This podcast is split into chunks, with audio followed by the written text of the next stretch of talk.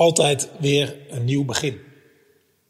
Godsdienst wordt nog alleen geassocieerd met traditioneel, met vroeger, met oud. En misschien ook wel met conservatieve krachten in een samenleving. En ook het christelijk geloof heeft vaak die associaties. En niet helemaal onterecht. Want inderdaad gaat het christelijk geloof lang mee in onze cultuur. Het heeft ook oude papieren en het gaat over dingen die van blijvende waarde zijn. En ook over tijdloze principes. Maar dat is zeker niet het hele verhaal. Want met net zoveel recht kun je het christelijk geloof associëren met woorden als vernieuwing en verandering. Want het christelijk geloof gaat niet uit van je bent je brein, maar dat mensen juist ook vrij zijn. En het gelooft ook niet in het lot, maar in God. En God is degene die mensen kansen geeft, vrijheid, keuzes. En dus is er alle ruimte voor verandering en vernieuwing. Maar de belangrijkste reden dat het christelijk geloof uitgaat van verandering en vernieuwing ligt in God en wie God is.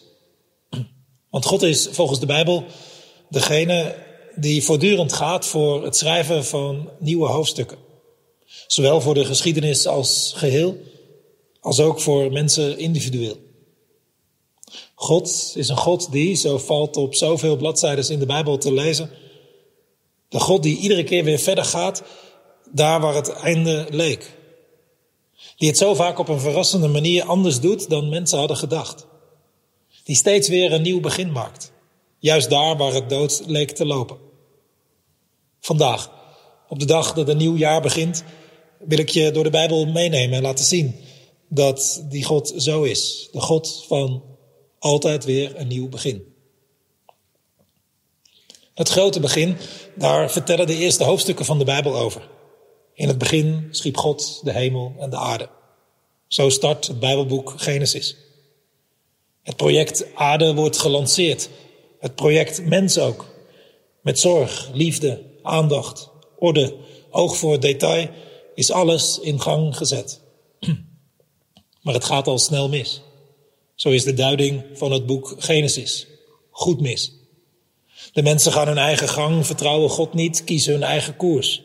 En het kwaad doet zijn intrede in die goede schepping. Er gaat van alles stuk. God maakt een nieuw begin met de mensheid. Zo lezen we in Genesis 6. Hij doet dat via Noach. Een goed mens. Een enorme reset volgt. Alles komt namelijk onder water te staan. Maar dwars door die reset heen worden Noach en zijn gezin gered. En als zij uit de reddingsboot stappen, is er een nieuw begin. Maar al snel gaat het weer mis. Gods aanwijzingen worden genegeerd, de mensen zoeken elkaar op en in hun hoogmoed beginnen ze het project Toren van Babel. Om aan God gelijk te zijn. Het mislukt hopeloos. En de mensen verspreiden zich alsnog over de aarde, iets dat God al eerder had gevraagd. Met een van hen maakt God een nieuw begin, Abraham. Hij kiest hem uit en zijn nakomelingen om via hen alle volken te zegenen. Het volk dat uit Abraham zal groeien moet een licht zijn voor alle volken.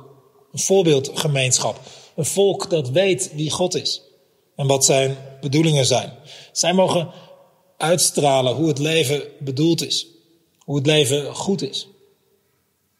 Het duurt even, maar die nakomelingen van Abraham komen er. Eerst Isaac, vervolgens Jacob. En na Jacob wordt het een familie van flinke omvang. Die familie komt in Egypte terecht. Daar groeit die familie uit tot een stam, een volk zelfs. Maar dat volk komt vast te zitten in Egypte. Op een vreselijke manier klem. Het wordt een slavenvolk dat daar nood uitschreeuwt. En schreeuw wordt gehoord door God. Hij zorgt voor een uitweg en geeft hen zo een nieuw begin. In het boek Exodus lezen we ervan hoe de Israëlieten wegkomen uit die slavernij van Egypte.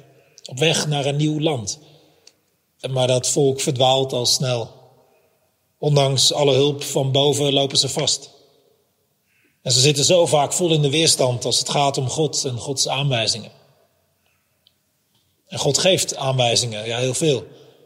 Hij laat het hen niet zonder navigatie zelf uitzoeken. Nee, hij helpt hen met goede kaders, goede grenzen, juiste richtingwijzers. Maar de bevrijde slaven lijken hun nieuw verworven vrijheid niet aan te kunnen. Het wordt wachten op een nieuwe generatie. Met hen zal God een nieuwe start maken in het beloofde land Canaan. En onder leiding van Jozua neemt deze nieuwe generatie van het volk Israël haar plek in. Het gaat niet zonder slag of stoot, maar dan toch, het volk heeft een eigen plek. De plek waar de oude Abraham ooit al had rondgezworven. In vrijheid kunnen ze daar leven en de samenleving opbouwen. Met de goede grenzen en kaders die God gegeven had. Maar op die nieuwe plek wil het nog niet gelijk lukken. Het is allemaal halfslachtig. Wat het volk laat zien, een beetje God en een beetje van de goden. En hoe goed God ook voor hen was. En hoe goed zijn aanwijzingen. Het liedje is elke keer weer. En ze deden wat goed was in eigen ogen. En ze bezorgen zichzelf een hoop ellende daardoor. En als ze dan diep in de ellende zitten, gaan ze bidden. En elke keer weer krijgen ze een nieuwe start. Met behulp van door God gestuurde mensen als Simson, Jefta of. Van een stammenfederatie wordt Israël op een gegeven moment een koninkrijk met een georganiseerd leger, met een hoofdstad, met centraal gezag. En ook de godsdienst werd meer centraal geregeld via die tempel in Jeruzalem. Maar na een korte bloeitijd onder Salomo en David scheurt het rijk in tweeën. In een noordelijk tienstammenrijk en in een zuidelijk tweestammenrijk. Soms waren er goede koningen, vooral in het tweestammenrijk. Al te vaak waren er ook slechte koningen, vooral in dat tienstammenrijk. Maar over de lange termijn gezien was er een duidelijke neerwaartse trend in beide rijken. Er waren oplevingen, zeker, maar de neergang liep uit op een ondergang. Op een gegeven moment was zowel het twee als het tienstammenrijk weggevaagd. De centrale stad Jeruzalem verwoest en het centrale godsdienstige symbool, de tempel, in puin. Wat er van het Joodse volk, het volk van God, over was, zat vooral vast in ballingschap, tientallen jaren lang. Ze hadden nog herinneringen, woorden, liederen. Die schreven ze dan ook op. En ze bewaarden ze. Maar het zag er verder nogal uitzichtloos uit. Er waren wel brengers van hoop, eh, profeten. Naast de harde woorden over de eigen schuld spraken zij ook van een nieuw begin dat God zou maken.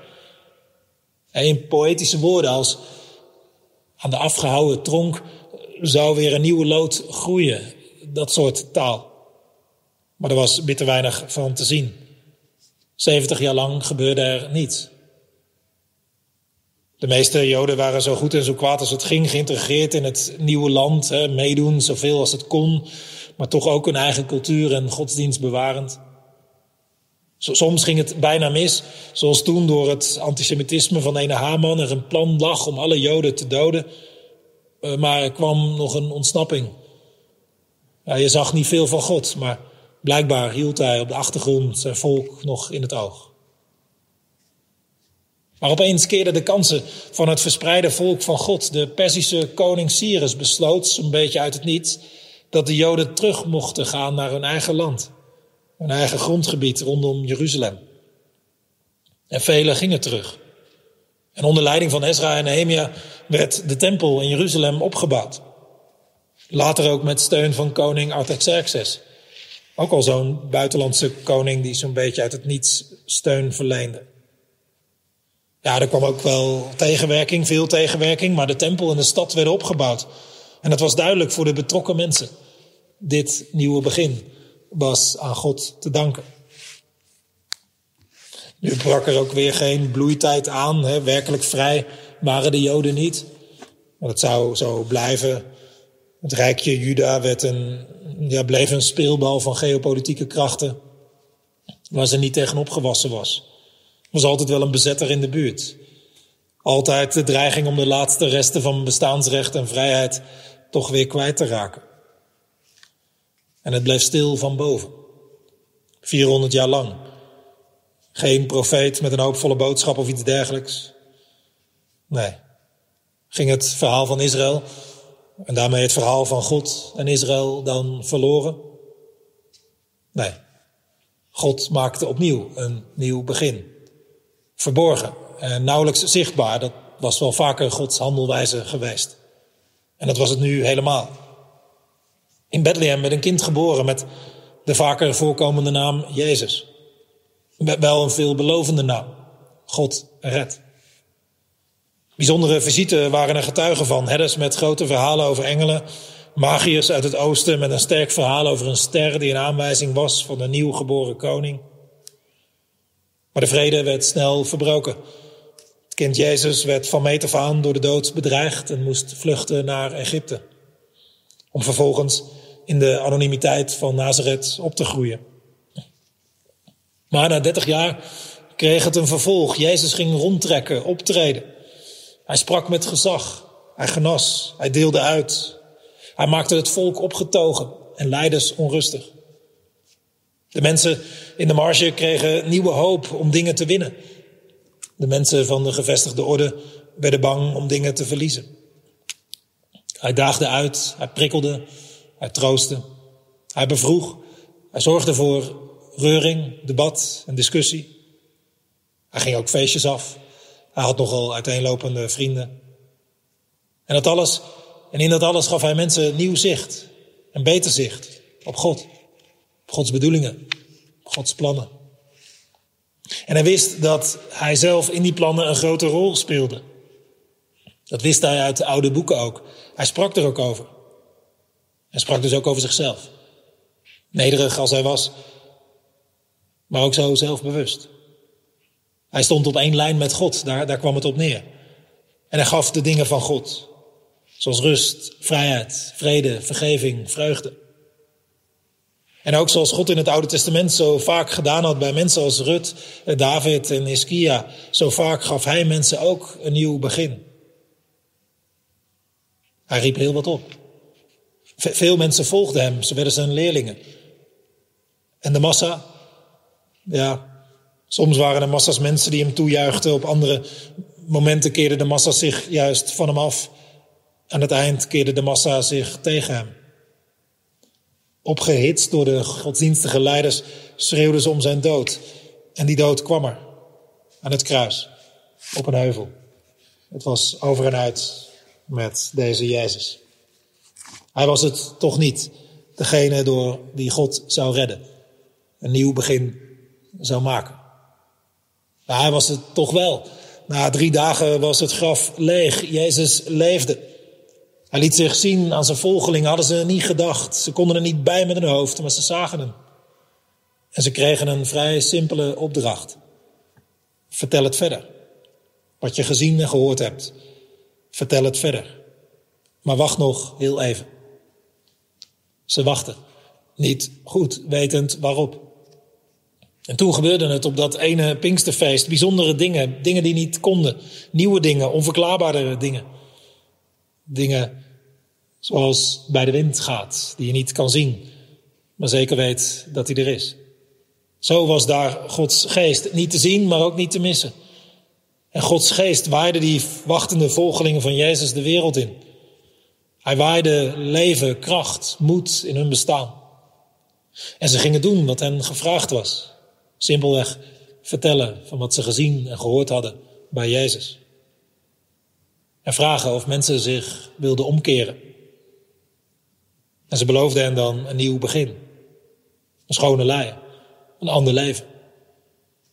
En het gebeurde. Velen geloofden hen op hun woord, keerden zich om, begonnen een ander leven. En vertelden het ook weer door. En zo ging het, mens voor mens. Geloof in Jezus, een ommekeer en een nieuw begin. Zomaar. Bij allerlei mensen. Bij heel gewone mensen, bij bijzondere mensen en alles wat ertussen zat. Uit alle lagen van de bevolking. Bij sommigen ging dat op een heel dramatische manier. Zoals bij Paulus. Een religieuze fundamentalist die iedereen die iets met Jezus zei te hebben in de gevangenis gooide of erger. Maar er kwam bij hem geloof in Jezus. Totaal ongedacht. Een ommekeer. Een nieuw begin. Voor hem, de grootste van alle zondaren, zo noemde hij zichzelf was daar een nieuw begin. Een schone lei. Iemand als Petrus wist ervan mee te vertellen. Ook hij had Jezus op een vreselijke manier in de steek gelaten, verraden. Petrus vluchtte wanhopig weg. Hij had iets stuk gemaakt wat hij nooit meer kon herstellen. Maar Jezus zocht hem op. Herstelde wat stuk was. Want liefde hield alle wonden. Een nieuw begin voor Petrus. Hij zou de leider worden van de mensen die naar Christus waren genoemd. Zo waren er meer. Mannen en vrouwen die vastgelopen waren in duistere praktijken. Mensen die klem zaten in godsdienstige regels. Zij die bang waren voor onvoorspelbare krachten en machten. Mannen en vrouwen die gebonden waren door, door geld of, of macht. Mensen die dingen op een kerfstok hadden. En mensen die nog nooit iets van betekenis hadden gedaan. Ze kregen een nieuw begin, een nieuwe start. Leven met God. Vervuld van die geest van God. Meewerkend met wat Jezus begonnen was. Ze mochten weten dat ze van waarde waren. Dat het ertoe deed wat ze deden. Dat ze iets te betekenen hadden. En dat het ergens heen ging. Want ze leefden ook, die mensen, die volgelingen van Jezus, die leefden ook van een belofte. Een, een oude belofte die al bij de profeten te lezen was. Een belofte die Jezus nieuw leven had ingeblazen. De belofte van een nieuwe hemel en een nieuwe aarde. Het bestaan vernieuwd door God. Hersteld dankzij Jezus. Want het kwaad of de dood of de duivel eh, zou niet winnen. Nee, het licht wint. God wint. Er komt een nieuwe toekomst. Een groot kosmisch nieuw begin. Niet het einde van de geschiedenis, maar nieuwe hoofdstukken. De belofte van een groot nieuw begin. Want bij God is er altijd weer een nieuw begin. Is dit allemaal, dit hele verhaal belangrijk voor ons? Nu aan het begin van een nieuw jaar? Zeker. Het maakt alle verschil of je hierbij leeft of niet. Echt, alle verschil. Want als, als je leeft met dit in je hoofd, sta je anders in het leven. Hoopvoller. Opener voor verrassingen ook. Als je leeft met dit in je hoofd, ga je anders bidden. Met meer verwachting. God kan namelijk zomaar iets beginnen. En als je daarmee rekent, dan ga je om grotere dingen bidden. Als je leeft met dit in je hoofd, ga je meer lief hebben. Want ook als anderen falen, zoek je toch binnen de grenzen van jouw mogelijkheden naar een nieuw begin. Herstel misschien wel. Als je leeft met dit in je hoofd, ga je meer durven. Want ook al zou je falen, bij God is altijd weer een nieuw begin mogelijk.